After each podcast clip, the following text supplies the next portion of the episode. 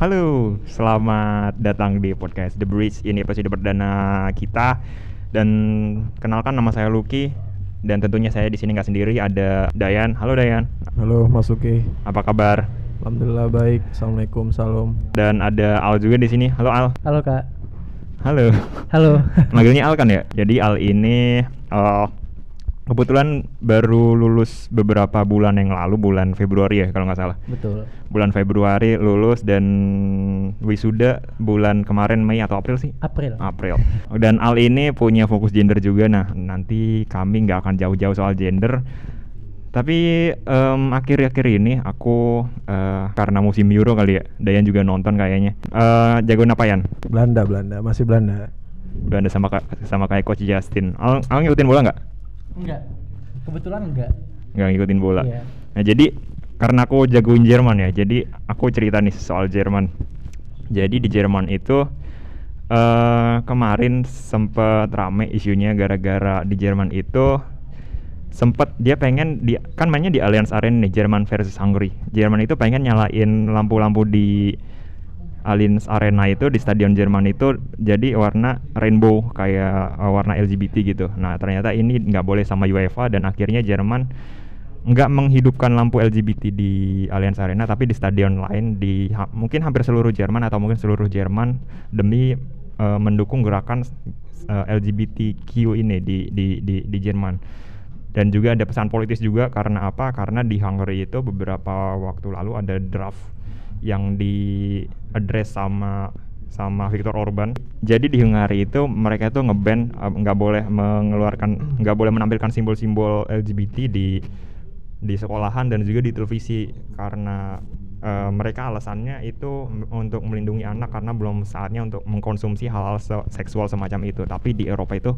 eh, menangkapnya beda. Mereka Eropa Barat, eh, Perancis, Jerman dan lain-lain Benelux itu menga- menganggap kalau misalnya ini adalah eh, aturan anti LGBTQ dari eh, dari Viktor Orban dari Hungaria. Dan ada komentar nggak Yan?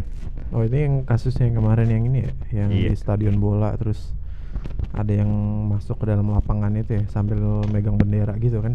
Hah. Sebenarnya kita ngelihat kasus ini tuh hmm, pro dan kontra sih ya pasti. Makanya kita di sini sekarang ngomongin soal itu nih Mas Luki. Nah, pas Yuk. banget eh, hari ini kita undang salah satu teman kita.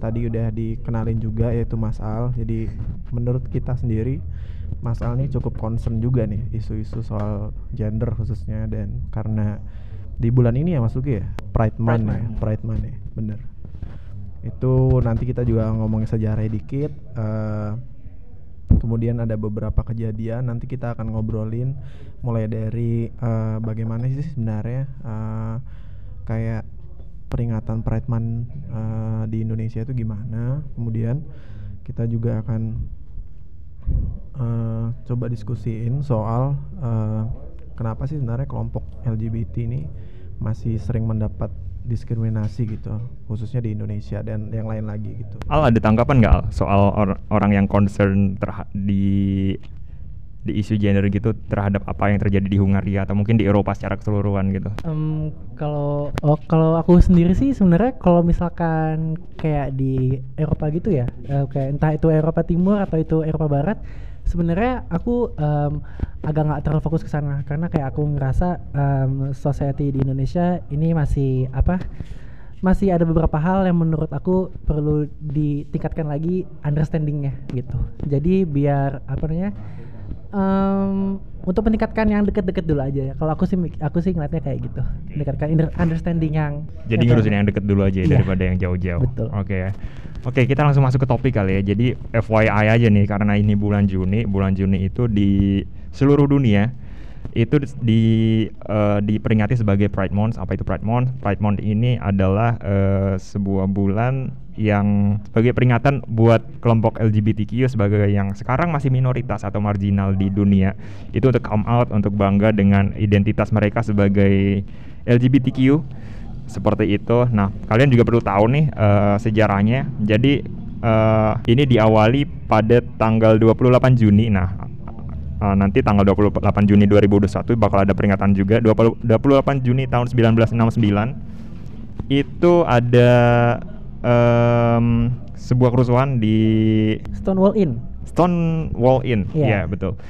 di Nah, Amerika. Di Amerika itu menggerebekkan yang dilakukan oleh polisi. Nah itu ditangkapnya oleh beberapa orang.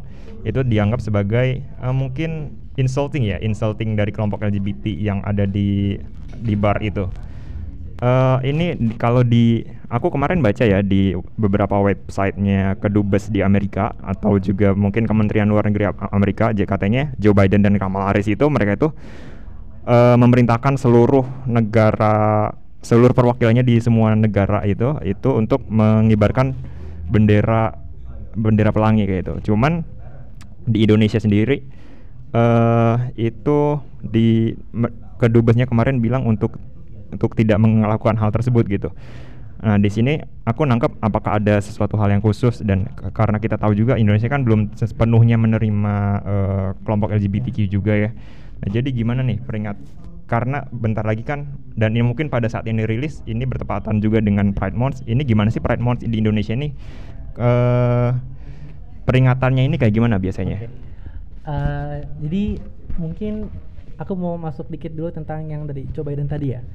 Em, itu tuh yang setahu aku bukan untuk mewajibkan, tapi memperbolehkan kedubes-kedubesnya mereka yang ada em, di negara-negara lain untuk oh mereka boleh kalau misalkan mau melam- melambangkan apa namanya bendera LGBT. Kenapa? Alasannya adalah em, itu tuh untuk men- apa ya kayak sebenarnya itu em, aku ngeliatnya kayak lebih ke gestur politis aja sih memperhatikan bahwa oh Amerika adalah negara yang em, LGBT friendly seperti itu kayak gitu Eh, terus aku juga mau masuk lagi dikit em, per- terkait em, Stonewall ini ya tadi ya. Kayak kenapa em, Batman tuh di bulan Juni kayak gitu. Jadi em, dari yang sepengetahuan aku itu Stonewall ini itu dia itu sebenarnya tuh gay bar. Tapi cuman pada awalnya itu adalah em, gay bar yang emang isinya cowok-cowok aja.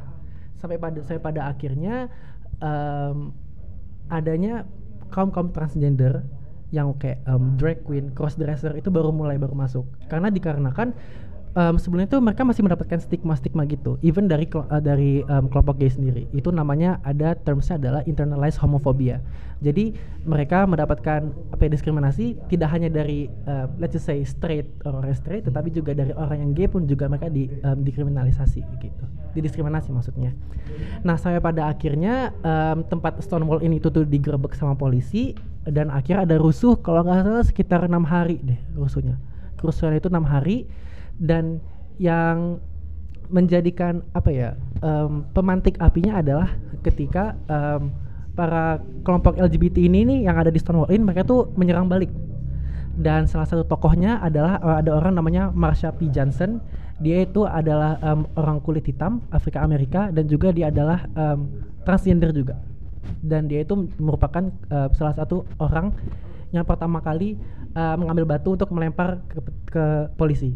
Makanya saya, makanya saya pada akhirnya sekarang tuh kalau misalkan misalkan kita lihat kayak em, gay pride atau apa apa pun itu tuh em, banyak juga mereka including Black Lives Matter terus including misalkan kayak trans rights dan segala macam. Karena em, gerakan em, LGBTQ di dalam apa namanya commemoration Pride Month ini itu tuh interseksional jadi nggak nggak cuman kayak oh untuk ini buat gay people aja. Enggak ini kayak em, gay people yang em, kulit hitam gay people yang termarginalisasi em, transgender transgender yang berkulit putih berkulit hitam kayak gitu makanya itu sebenarnya em, gerakan LGBT lewat Pride Month ini sebenarnya tuh hal yang kompleks Dan balik lagi ke pertanyaan nih. Nah, eh, di kalau di Amerika sendiri ya, kalau yang aku tahu kemarin di dibaca di di report di sebuah report gitu. Nah, di report itu nunjukin kalau misalnya Pride Month itu biasanya dilakukan di di negara-negara barat misalnya dengan kampanye Long March, Lokaria Festival dan lain-lain. Nah, sedangkan di Indonesia kan dengan budaya yang masih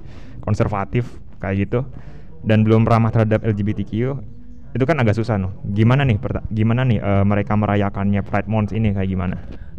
Kalau em, dari yang sepengetahuan aku ya, em, perayaan Pride Month itu em, dulu tuh dari tahun 1960-an kalau nggak salah. Itu tuh em, sebenarnya udah ada, tapi mereka tuh gerakan underground. Jadi em, dulu tuh ada pencetusnya kalau nggak salah, yang awal tuh Lambda Indonesia dan selanjutnya ada namanya Gaya Nusantara. Nah, saya pada akhirnya terus selanjutnya ada lagi muncul uh, namanya kalau um, organisasi Arus Pelangi dan mulai dari situ tuh uh, mulai banyak lagi organisasi-organisasi lainnya yang uh, memiliki concern um, terhadap apa namanya um, peningkatan dan juga penguatan hak-hak untuk kaum-kaum termarginal dan terutama kelompok-kelompok LGBT ini kayak gitu. Dan kalau misalkan di Indonesia sebenarnya um, aku kurang tahu dulu tuh kayak gimana perayaannya. Tapi um, dari yang aku um, pernah dengar dari cerita-cerita dari teman-teman aku juga yang kebetulan mereka juga bagian dari kelompok LGBT, um, mereka tuh lebih kayak ke biasanya mereka ada um, diskusi atau kayak gathering-gathering biasa. Gathering yang sifatnya eksklusif ya, karena kan um, dulu tuh um, di tahun ya let's just say sebelum reformasi kali ya, apa namanya um, informasi itu masih susah laju informasi. Jadi kayak word of mouth tuh masih benar-benar sangat-sangat krusial dan makanya um, apa ya kehadiran mereka itu tuh sangat-sangat eksklusif dan dikarenakan sangat-sangat eksklusif dan minoritas eh, kayak benar-benar kecil banget nih kelihatan persentasenya. Jadi makanya masyarakat Indonesia secara umum merasa bahwa mereka itu sebenarnya nggak ada kayak gitu. Sampai pada akhirnya um, reforma uh, apa namanya Soeharto turun abis itu kita reformasi kan? Kita reformasi mulai adalah um, apa namanya freedom of speech freedom of expression kayak gitu gitu dan karena dulu istilahnya dulu apa ya?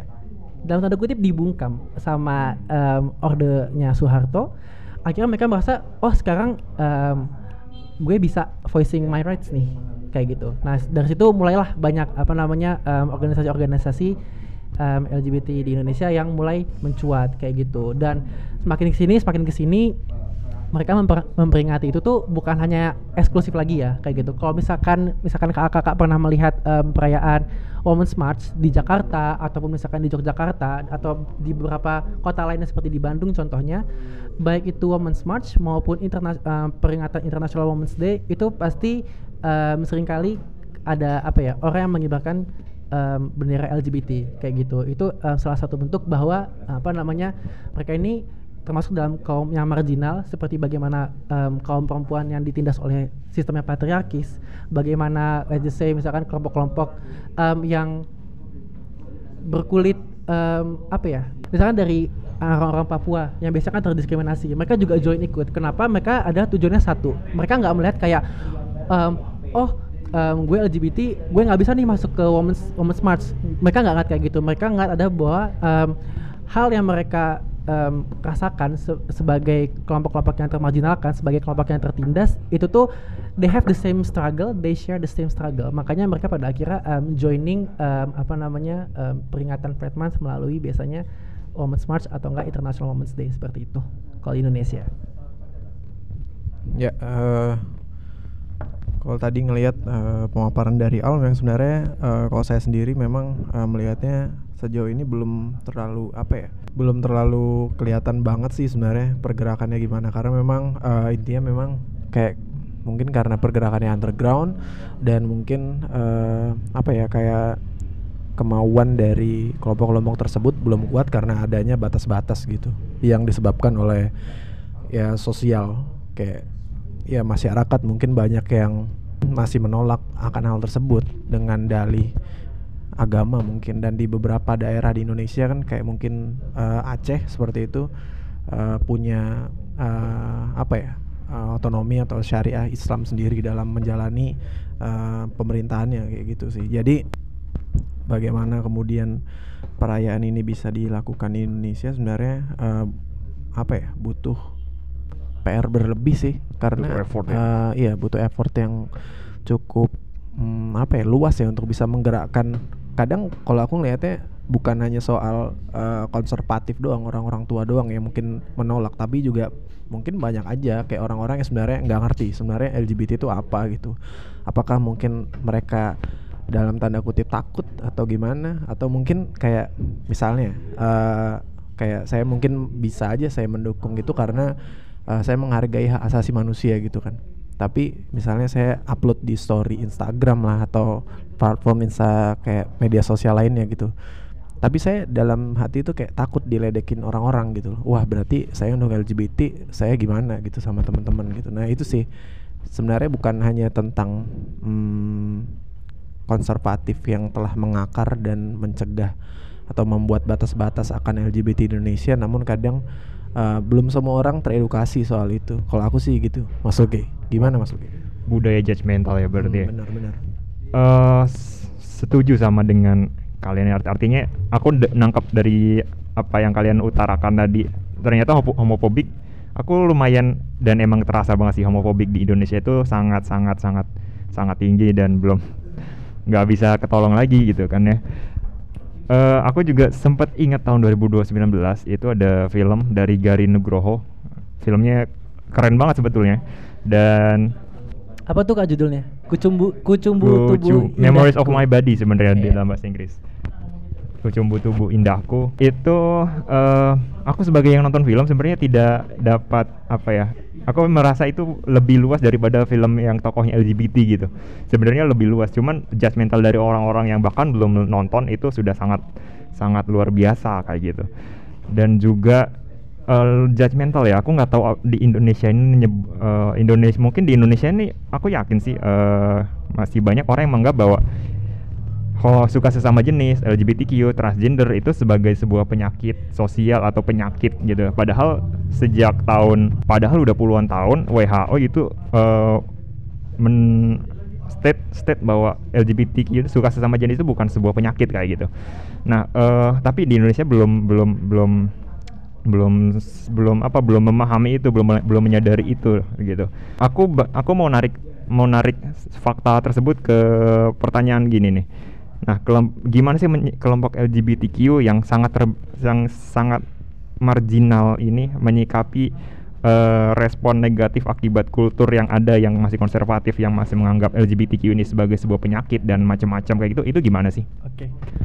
Eh, mungkin sebelum kita sebelum apa ya sebelum ngebahas terlalu jauh mengenai bagaimana mereka merespon terhadap em, diskriminatif diskriminatif X yang ditujukan kepada mereka kita harus eh, melihat dulu faktanya bahwa di Indonesia ini em, di suku Bugis di Sulawesi mereka tuh em, ada eh, kalau nggak salah namanya suku Bisu jadi dalam suku bisu ini em, ada beberapa kategori seperti ada calalai, calabai kalau nggak salah. Jadi itu memang di dalam suku ini mereka menge- apa ya? Mereka acknowledge bahwa ada laki-laki ada laki-laki yang em, perawakannya maskulin. Ada laki-laki yang perawakannya feminim. Begitu juga kebalikannya. Ada perempuan yang feminim dan ada juga perempuan yang maskulin dan ada juga yang in between gitu. Jadi dia antara maskulin dan feminim. Dan itu mem- memang em, sebenarnya kalau kita ambil fakta itu sebenarnya ada kayak gitu dan juga di beberapa apa ya dari beberapa kebudayaan Indonesia kita lihat kebudayaan adatnya ya kayak gitu. Itu tuh mereka sebenarnya acknowledge bahwa memang adanya em, maskulinitas dan feminitas tuh em, fluid gitu. Dalam artian adalah em, laki-laki boleh maskulin laki-laki boleh feminin. Begitu juga sebaliknya kayak gitu. Nah terus selanjutnya em, bagaimana sih em, kelompok LGBT ini tuh apa ya mereka merespon terhadap diskriminasi yang ada? Pada awalnya hmm, bisa dibilang takut ya. Takut untuk bersuara takut untuk muncul takut em, bahwa mereka akan diskrimin- didiskriminasi em, di apa di kekerasan secara fisik atau maupun bis- mereka bisa aja dapat em, ancaman pembunuhan atau bahkan dibunuh kayak gitu. Em, bisa diambil salah satu contohnya adalah bagaimana em, di Aceh contohnya meskipun Aceh memiliki em, apa ya em, per- peraturan syariat sendiri ya ya di daerahnya.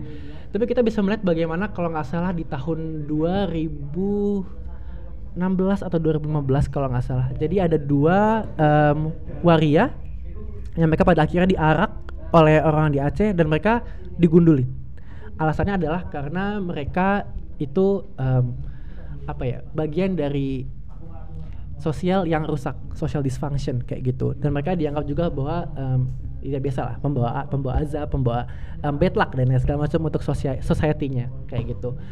Em, dikarenakan mereka dulu tuh mereka takut ya, mereka takut karena em, mayoritas orang, orang Indonesia em, mungkin bisa mungkin kayak bisa dibilang kalau aku aku ngebilangnya em, boomer yang agak konservatif gitu. Em, apa ya? Mereka takut gitu kan takut untuk ngapa-ngapain saya pada akhirnya eh, mereka diam aja. Mereka diam dan mereka cenderung mereka nggak melakukan mereka nggak melakukan apa-apa. Karena kayak karena kayak mereka tahu em, oh kalau misalkan gue melawan juga nggak ada yang nge-support gue. Nggak ada em, orang yang bisa backup gue kayak gitu. Saya pada akhirnya makin ke sini makin ke sini arus informasi makin em, banyak dan juga apa ya em, mungkin pengaruh dari globalisasi juga ya. Saya pada akhirnya em, masyarakat em, Indonesia em, secara lu secara luas gitu em, beberapa mereka em, mendeklarasikan atau kayak memperlihatkan em, bahwa mereka oh meskipun gue straight em, gue tetap apa ya gue tetap mendukung lo gue nggak mendiskriminasi lo. Itu kita ada ada namanya sebutannya ally atau apa namanya kawan gitu. Nah jadi em, dikarenakan mereka melihat oh em, pada pada akhirnya semakin ke sini semakin ke sini masyarakat tuh semakin menerima. Kayak gitu ya pada akhirnya mereka em, oke gue em, bisa dalam tanda kutip lebih bebas. Gue bisa lebih bisa mengekspresikan diri gue. Entah itu dari tulisan entah itu dari perbuatan atau dari misalkan dari mereka cara berpakaian kayak gitu. Em, jadi em, meskip jadi apa ya hal-hal kecil pun let's say kayak misalkan nih orang yang em, dia dulu dulunya mengidentifikasikan dirinya sebagai laki-laki terus pada akhirnya dia em, mengidentifikasikan dirinya sebagai em, wanita sebagai transgender. Dan dia merubah cara cara pakaiannya let's say menjadi pakaian yang secara normatif harusnya dipakai oleh eh, wanita malah dipakai oleh la- laki-laki yang orang yang berjenis kelamin laki-laki gitu yang memiliki hanya alat kelamin laki-laki. Itu eh, menurut mereka dengan mereka mengubah penampilan mereka cara eh, mereka eh, merubah cara mereka berpakaian itu merupakan suatu bentuk resistance kayak gitu. Bahwa bahwa kayak oh ini loh gue ada nih di sini gue ada di hadapan kalian semua dan kayak em, hal apa ya pesan yang mau dibawa adalah kalian gak harus takut. You should not be afraid. Karena gue bukan orang jahat ya I'm just minding my own business. Gue di sini kayak gitu. Dan gue nggak bakal ngelakuin hal apa pun yang buruk ke kalian kayak gitu. Itu sih sebenarnya. Kayak jadi cara perlawanannya itu belum yang kayak terlalu gembar-gembor banget uh, gimana. Tapi um, apa ya small but significant steps gitulah Nah. menurut gue So ini aku aku mau nanya nih, eh, kalau kita ngomongin Pride Month ya, pendekatannya di Eropa kan, aku ketrigger karena pernyataanmu tadi eh, di Eropa itu kan pendekatannya lebih come out eh, bahwa kelompok LGBTQ harus come out gitu, sedangkan di Indonesia kan eh, tidak seperti itu gitu, lebih mereka lebih eh, termnya yang dipakai itu emansipasi. Nah eh, bedanya itu apa sih sebenarnya antara come out dan emansipasi ini? Sebenarnya ke- aku ngeliatnya itu apa ya? Itu dua hal yang beda sih. Kalau emansipasi itu kita em, apa ya? Lebih ke broader views. Itu em, mencakup secara luas. Dalam dalam artinya adalah emansipasi tidak hanya untuk indi- satu individu, tetapi em, ini akan memberikan em, apa ya? efek kepada em, komunitas LGBT secara secara keseluruhan as a whole. Sedangkan kalau misalkan come out sebenarnya itu adalah hal yang pribadi gitu. Jadi kayak let's just say ada em, satu ya, ada seorang anak yang dia dia merasa bahwa oh I'm gay kayak gitu tapi em, dia awalnya eh, nggak berani untuk mengekspresikan diri dia. Dia nggak dia merasa kayak dia masih di tahap denial. Kayak ih gue sebenarnya gay beneran atau enggak ya? Kayak gitu. Saya pada akhirnya misalkan entah dia em, apa ya di, da- declare. Come out tuh kayak declaring gitu loh. Jadi kayak em, misalkan entah itu ke orang tua atau ke teman atau ke siapa pun itu kayak em, guys I'm gay. Kayak gitu. Itu come out. Sedangkan kalau saya emansipasi adalah em, hal yang itu bakal memberikan ef- efek kepada komunitas secara keseluruhan dan kalau saya come out itu em, bersifatnya lebih pribadi dan sebenarnya come out itu em, sebenarnya nggak terlalu terlalu diharuskan ya. Karena em, apa ya ada beberapa orang em, memiliki pendapat bahwa sebenarnya come out, come out itu em, bukanlah suatu hal yang necessary karena em, apa ya your um, sexual orientation it has been a part of you. Itu udah dari udah dari diri lo dan lo ngapa lo ngapain kayak apa ya karena um, yang ngomong kayak gitu seolah-olah out itu um, ada transisi yang membuat lo berbeda dari diri lo sendiri. Sedangkan sedangkan kayak sebenarnya tuh emang itu emang diri lo kayak gitu. Jadi lo nggak perlu kayak merasa you're different from you're different kayak gitu. Karena emang since the very beginning um, lo begitu kayak gitu. Jadi sampai sekarang ini kan LGBTQ ini merupakan salah satu kelompok yang termarginalkan di Indonesia ya. Kelompok ini masih sering dianggap sebagai orang yang menyimpang tanpa ada upaya untuk memahami latar belakang mereka itu kayak gimana karena em, aku beberapa lihat lihat komentar atau wawancara dari eh, LGBT, LGBTQ mereka ya cry mereka nangis gitu loh. mereka nangis artinya kan itu bukan sesuatu hal yang mudah gitu ya. Dan dari segi hukum sebetulnya LGBT itu kan bukan sebuah kriminal ya menurut KUH, KUHP dan itu ya ya boleh gitu kalau yang nggak boleh mungkin kalau misalnya adegan seksualnya direkam itu kan melanggar undang-undang pornografi gitu. Tapi itu bukan sebuah kriminal sebetulnya. Namun pada perda di beberapa daerah ini masih terkesan mendiskriminasi LGBT kayak misalnya di beberapa daerah di daerahnya uh, di suatu daerah di Sumatera kayak misalnya kayak gitu dan mungkin beberapa daerah lah ya. Mungkin kalau Aceh nggak apa-apa cuman ada beberapa daerah lah yang kayak gitu. Terus uh, aku mau nanya nih kenapa sih uh, LGBTQ ini masih sering dapetin diskriminasi. Mungkin karena kultur mungkin Al bisa menjelaskan lebih detail kayak gitu kultur atau mungkin dari segi agama atau mungkin dari yang lain gitu. Why it's happen um, kompleks ya sebenarnya ya pertanyaannya. Uh, jadi kalau misalkan ditanya mengapa kelompok LGBT itu mendapat diskriminasi um, sebenarnya banyak banyak banget faktor ya kayak gitu. Kayak bukan hanya satu atau dua tiga faktor aja. Menurutku banyak banget tapi kayak um, I don't think I'm able to explain all of it kayak gitu tapi cuman yang dari yang sepenglihatanku dan kayak bagaimana aku melihat apa namanya ya um, beberapa um, pengalaman dari teman-temanku yang kelompok LGBT bahwa um, agama dan kultur apa ya play a really really big factor sih dalam hal mengapa kelompok LGBT itu dis didiskriminasi kayak gitu. Dan yang kedua adalah um, sikap pemerintah sendiri kayak gitu. Yang pertama adalah kita bisa lihat bahwa um, Indonesia ini mayoritas Muslim ya. Kalau nggak salah tuh sekitar survei tahun tahun 2015 kalau nggak salah Indonesia tuh 88% Muslim terbesar di dunia kalau nggak salah. Nah, aku, aku mau nambahin deh. Kayaknya aku kemarin tuh pernah lihat di Pew Research setauku itu kalau nggak salah yang 90-an persen orang itu masih masih menganggap buruk kelompok LGBTQ gitu. Jadi artinya kurang dari baru kurang dari 10% orang Indonesia yang yang masih yang yang aware terhadap isu LGBTQ ini yang yang gak mendiskriminasi. Itu sih uh, gimana gambaran gimana ternyata LGBTQ di Indonesia itu masih belum mendapatkan tempat yang yang yang yang yang baik gitu, yang ramah gitu sih. Jadi uh, lebih kayak kenapa mereka nggak di, nggak diberikan wadah untuk berekspresi kayak gitu. Um, ya sebenarnya tadi sih kayak tadi aku bilang yang pertama adalah karena agama dan kultur kayak gitu. Karena um, kult um, apa ya? Aku melihat bahwa sebenarnya agama dan kultur itu kayak sebenarnya tuh kayak suatu hal yang agak nggak bisa di pisahkan karena kayak um, secara nggak langsung dan terkadang secara nggak kita apa ya nggak kita sadari bahwa sebenarnya mereka itu bagian integral kayak gitu mereka itu uh, memang sama satu kesatuan kayak gitu um, dan kalau misalkan dari um, aspek kultur sendiri adalah karena kita bisa lihat um, budaya Indonesia ini um, patriarkis ya. Kembali kita kembali lagi kepada bagaimana budaya Indonesia ini mayoritas patriarkis. Meskipun ada beberapa in, uh, daerah di Indonesia yang matrilineal, bukan patrilineal. Kayak gitu. Um, dikarenakan budaya yang um, patriarkis itu pada akhirnya adalah emang patriarkis kan menormalisasi um, mem, apa ya, menciptakan konstruksi bahwa adanya perbedaan laki-laki dan perempuan dalam let's say fisik dan termasuk termasuk juga dalam roles mereka. Kayak gitu. Misalkan kayak oh laki-laki yang mencari nafkah dan perempuan yang stay at home domestic things. Kayak gitu.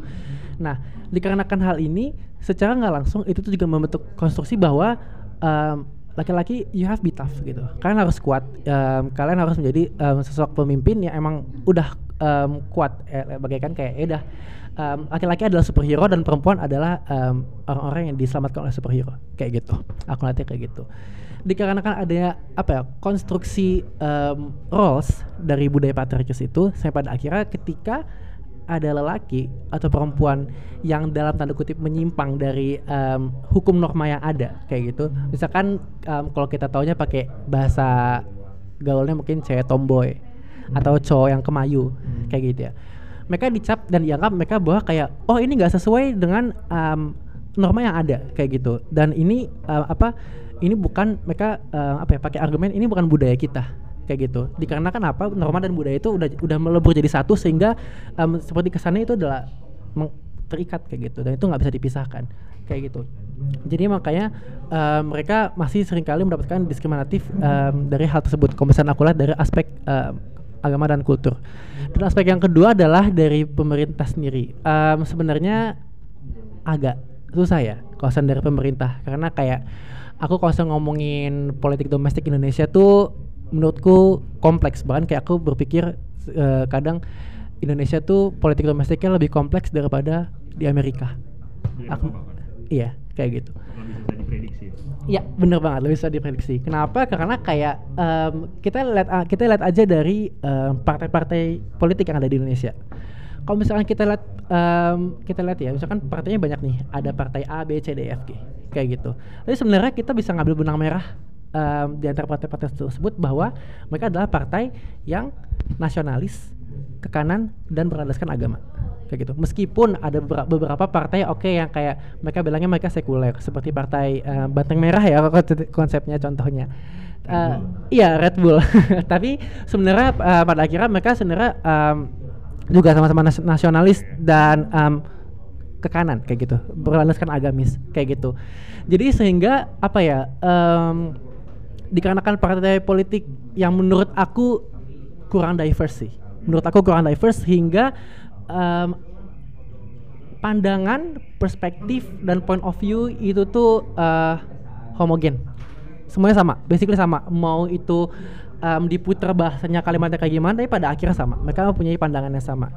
Jadi sehingga em, dikarenakan pandangan yang sama itu em, susah untuk memasukkan hal-hal yang mungkin kita bisa bilangnya tabu hal-hal yang eh, jarang jarang dibahas karena memang jarang dibahas. Dan bahkan mungkin em, maybe hampir nggak pernah untuk dibahas. Meskipun ada beberapa kali efforts dari apa ya em, kalau nggak salah itu partai PKS dan partai P3 itu mereka pernah eh, mau em, amandemen KUHP kalau nggak salah. Mereka mau akan amandemen KUHP em, bahwa untuk mengkriminal mengkriminalisasi em, kelompok homoseksual termasuk juga em, pasangan baik itu em, pasangan gay ataupun pasangan straight yang mereka kumpul kebo. Atau dalam artian adalah em, menikah eh tinggal tanpa ada ikatan pernikahan kayak gitu. Tapi pada akhirnya em, apa namanya rancangan itu ditolak gitu. Nggak nggak lolos kayak gitu. Jadi eh, menurut aku dikarenakan apa ya tadi em, views yang homogen dan memang ditambah lagi em, kultur dan norma yang ada di Indonesia yang udah terkonstruksi seperti itu. Makanya em, secara society dan secara political birokrasi menurutku em, itu sama-sama nggak provide gitu. Makanya pada pada akhirnya eh, masyarakat kayak masyarakat yang allies ya yang menduk yang menduk yang mendukung kelompok LGBT kayak em, kasarnya adalah oh negara nggak ngasih wadah. Pada akhirnya gue bikin organisasi gue untuk mewadahi em, teman-teman LGBT yang tidak mendapat yang mendapatkan diskriminasi dan merasa hak-haknya itu tidak dipenuhi. Kayak gitu.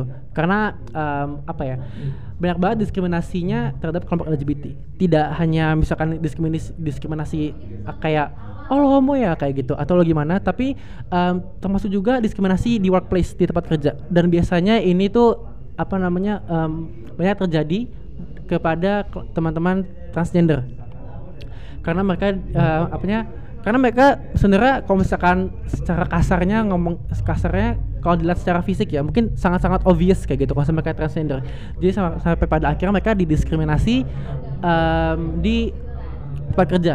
Entah itu secara verbal ataupun bahkan banyak banget case-nya teman-teman transgender itu mereka tuh nggak bisa apply kerja dan mereka tidak bisa mendapatkan pekerjaan dikarenakan mereka tidak mendapatkan pekerjaan yang formal yang baik sih pada akhirnya kenapa kita sering lihat em, transgender iya, tuh iya, jadi PSK atau jadi pengamen Oh, di salon gitu Iya, ya? atau di salon. Hmm. Karena dan eh, karena mereka kalau misalkan di salon mereka merasa bahwa oh salon ini safe space gue. Oke, dan oke. kayak dikarenakan apa ya ditambah mereka nggak ada hmm, apa ya capacity building ya let's just say. Dari pemeri- dari pemerintah yang Yap, diwadahi yap. oleh pemerintah mereka pada akhirnya nggak punya skills. Benar, kayak aduh gue nggak tahu nih gue mau ngapain. Makanya tadi mereka ujungnya ke salon atau mereka PSK kayak gitu. Dan em, ketika mereka tidak dapat ke- pekerjaan terus mereka let's just say jadi PSK ya kayak gitu.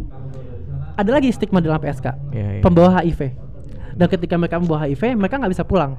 So they have to stay di tempatnya em, apa ya lokalisasi. lokalisasi.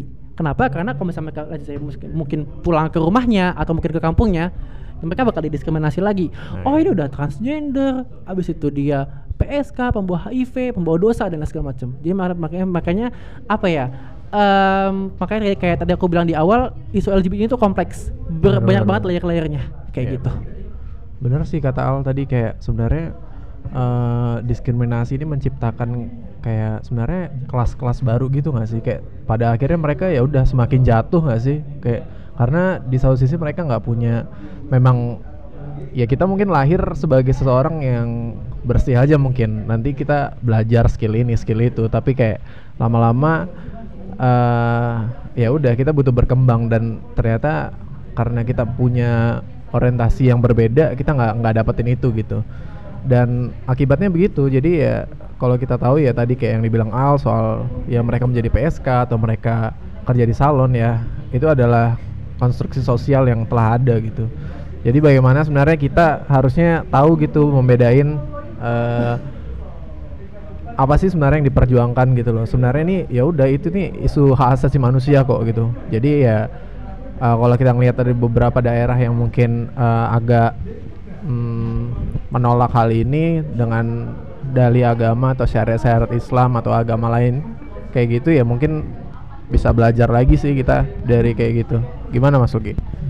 Em, sebenarnya ada hal hal lagi sih. Eh, mostly udah diben, udah dijelasin sama Al. Eh, ada hal lain. Ada aku ada note dua hal sebenarnya. Yang pertama itu dari keluarga itu sendiri kadang-kadang itu bukan kadang bahkan sering kali itu tidak mereka tidak bisa menerima anggota keluarga yang sebenarnya dari LGBTQ gitu. Eh, beberapa kasus ada beberapa orang yang dikeluarkan dari kakak. Nah, habis dikeluarkan dari kakak ya mereka nggak bisa dapat KTP, nggak bisa dapat identitas, dan mereka nggak bisa dapat eh, tunjangan sosial, eh, perlindungan sosial dan macam-macam. Akhirnya mereka juga yang bermuaranya kalau yang dijelasin kepada Al tadi, mereka nggak bisa dapat pekerjaan, dapat fasilitas negara, macam-macam kayak gitu. Dan em, ini hal terak, hal yang selanjutnya ini ini mungkin agak jauh, cuman aku note ini paling paling paling eh, paling menarik perhatianku. Itu tuh eh, aku baca di report kehidupan LGBTQ di Asia kalau nggak salah yang dirilis UNDP kalau nggak salah itu menyebutkan bahwa korupsi ternyata bisa mempengaruhi hal ini juga. Kenapa? Kayak misalnya em, beberapa hal ya, be- eh beberapa hal, beberapa beberapa waktu, beberapa kali itu tuh eh, aparat itu eh, sorry to say aparat itu tuh eh, mendiskriminasi atau mempersekusi kelompok-kelompok LGBTQ ini dan pada akhirnya karena mereka terkriminalisasi ya, eh, mereka itu tidak mau atau tidak percaya atau tidak yakin kalau mereka itu eh, ngangkat at- atau mem- membawa ini ke ranah hukum. Kenapa? Karena mereka nggak yakin nih eh, dengan proses pengadilan yang ada, toh eh, endingnya bakal korup juga nih. Makanya aku meng-highlight betul sekali yang dibilang Pak siapa aku lupa di Endgame KPK itu bahwa kalau misalnya korupsi itu di, eh, dihilangkan mungkin 60% 70% 70% masalah negara itu selesai gitu dan mungkin LGBTQ juga seperti itu karena mereka dapat perlindungan hukum dan macam-macam kayak gitu. Ini yang menarik perhatianku sih. Dan sebenarnya diskusinya cukup seru. Aku langsung aja ke pertanyaan yang itu aja kali ya. Eh, yang mungkin ini salah satu yang terakhir. Semoga yang terakhir.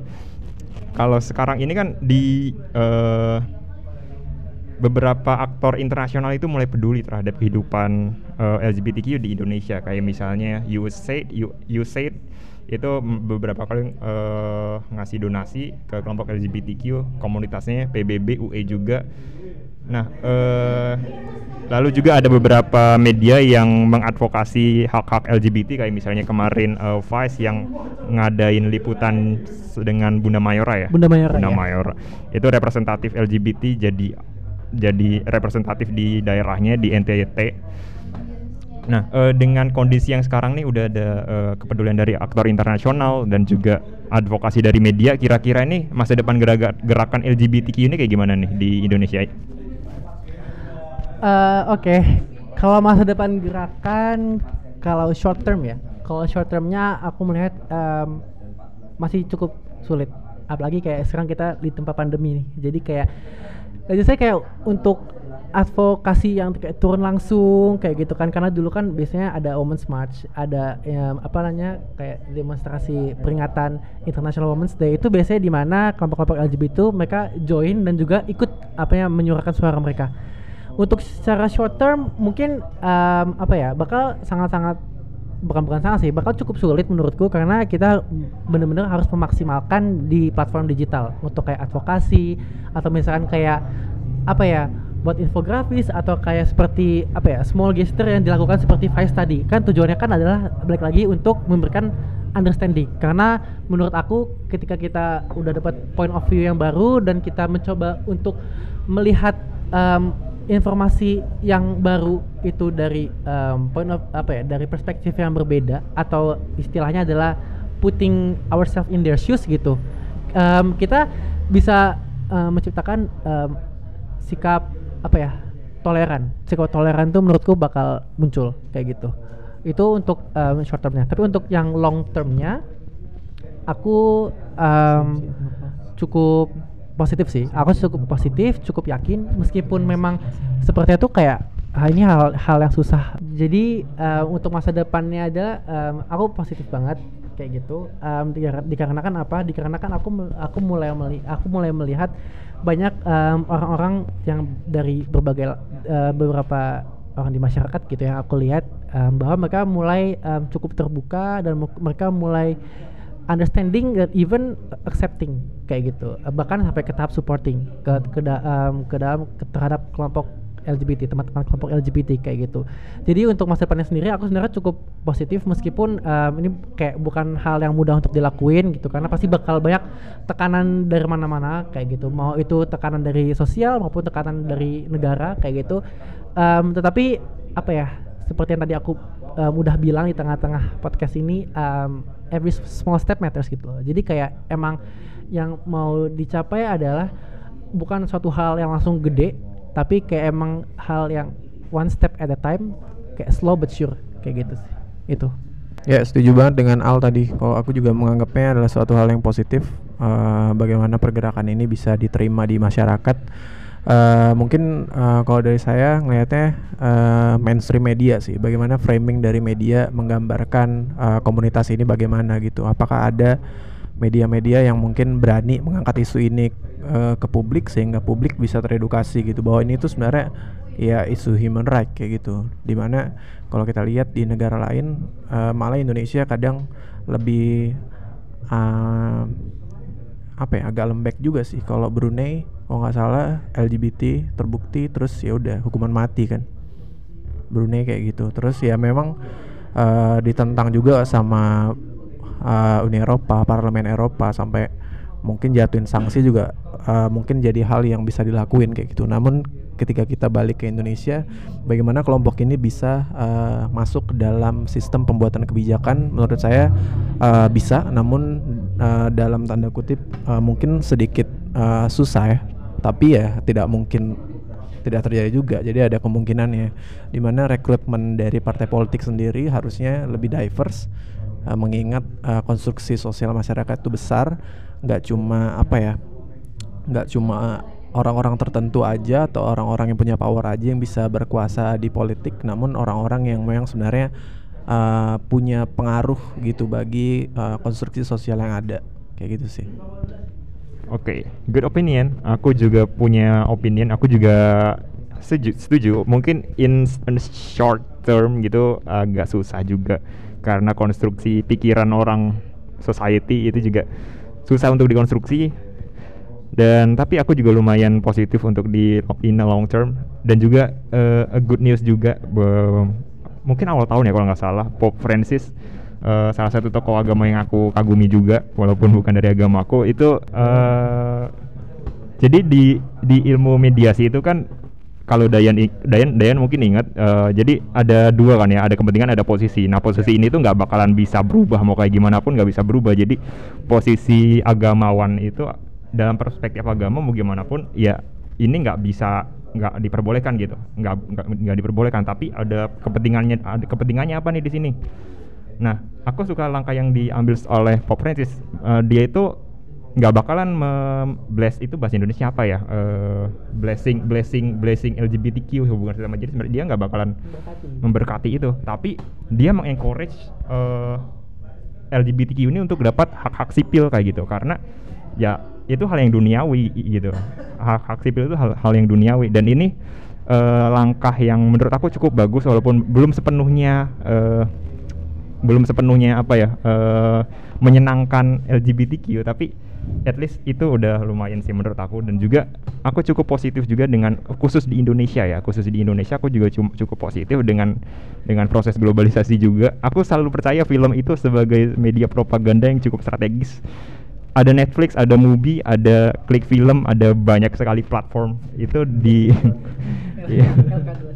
itu banyak sekali film yang mengisahkan soal LGBTQ. Aku terakhir nonton em, apa itu namanya House of Hummingbird itu o- LGBTQ, film tentang LGBTQ. eh, aku yakin sih em, semakin lama orang-orang itu akan semakin paham dengan uh, kondisi mereka, kondisi psikologis terutama. Jadi aku at least paham dulu lah sebelum sebelum eh, kita berangkat ke pergerakan sosial dan aku pikir itu eh lumayan hal yang penting juga imitation game itu juga eh, lumayan mengkonstruksi juga bikin kita paham gimana kondisinya jadi aku pikir in the long term mungkin yes karena ya proses global itu, itu proses globalisasi itu dan tapi untuk short term kayaknya agak susah sih. Eh, mungkin itu dulu, dulu aja kali ya. Mungkin Al punya opini yang belum tersampaikan tapi penting untuk di- diketahui orang-orang banyak. Eh apa ya opini yang mau aku sampaikan ke orang-orang banyak ya terutama yang deng- dengar podcast ini adalah em, aku selalu menerapkan prinsip em, try to put ourselves in their shoes in our, in other shoes kayak gitu. Jadi de- ketika kita mencoba untuk memposisikan diri kita sebagai orang lain orang itu dalam tanda dalam konteksnya adalah em, teman-teman kelompok LGBTQ em, itu kita bisa mencoba apa ya em, critical thinking lah istilahnya. Critical thinking untuk kayak oh kalau gue di posisi dia kira-kira apa aja ya em, apa penolakan atau misalkan hal-hal apa aja yang bakal jadi obstacles gue dalam hidup? Nah ket- ketika kasarnya adalah lo bisa apa ya kita bisa mapping hal tersebut kita kita bakal gain a new perspective. Dan ketika kita gain a new perspective itu em, secara kita tidak sadar itu akan membuat konstruksi yang baru untuk diri kita sendiri. Dan pada akhirnya em, ketika em, ada satu dua sepuluh seratus atau banyak orang orang-orang lainnya yang terkonstruksi seperti itu em, maka aku bisa melihat em, ada masa depan yang baik eh, untuk em, toleransi dan juga apa ya anti diskriminasi terhadap em, teman-teman kelompok LGBTQ kayak gitu. Ya, kalau dari aku sih eh, apa sih? Kayak ya udah stop diskriminasi sih buat eh, teman-teman yang mungkin eh, apalagi kayak masa depan Indonesia gitu. Kayak anak muda harusnya lebih paham lagi, jangan menganggap hal itu adalah sebuah kelainan atau apa kayak gitu. Lebih menganggap eh, hal ini ya udah ini hal kemanusiaan kok gitu. Bener kata Al tadi di mana kita harus juga melihat bagaimana kalau kita jadi dia gitu sebingung apa kita nggak dijauhin orang dan sebagainya. Nah hal-hal kayak gitu tuh harus eh, ada gitu di dalam diri kita gitu. Dan kalau misalnya orang tua kita nggak eh, concern soal kayak gitu atau orang-orang yang mungkin eh, berada di pemerintahan belum concern pada saat itu ya udah akan ada waktunya sih menurut aku. Kayak gitu buat eh, ngambil kebijakan buat eh, supaya semuanya sama kayak gitu. Alright, itu dulu aja kali ya. Eh, kayaknya itu dulu eh, dari kami. Eh, Opini-opini yang sangat bagus tadi dari Dayan dan juga Al. Mungkin kalau misalnya mau kalian mau nanya-nanya soal LGBTQ di Indonesia, mungkin kalian bisa DM Al di at is.ee IJ. IJ IJ titik EE. Nah, kalian bisa DM ke situ aja kalau misalnya mau nanya-nanya. Oke, itu dulu dari kami. See you next time. Bye bye.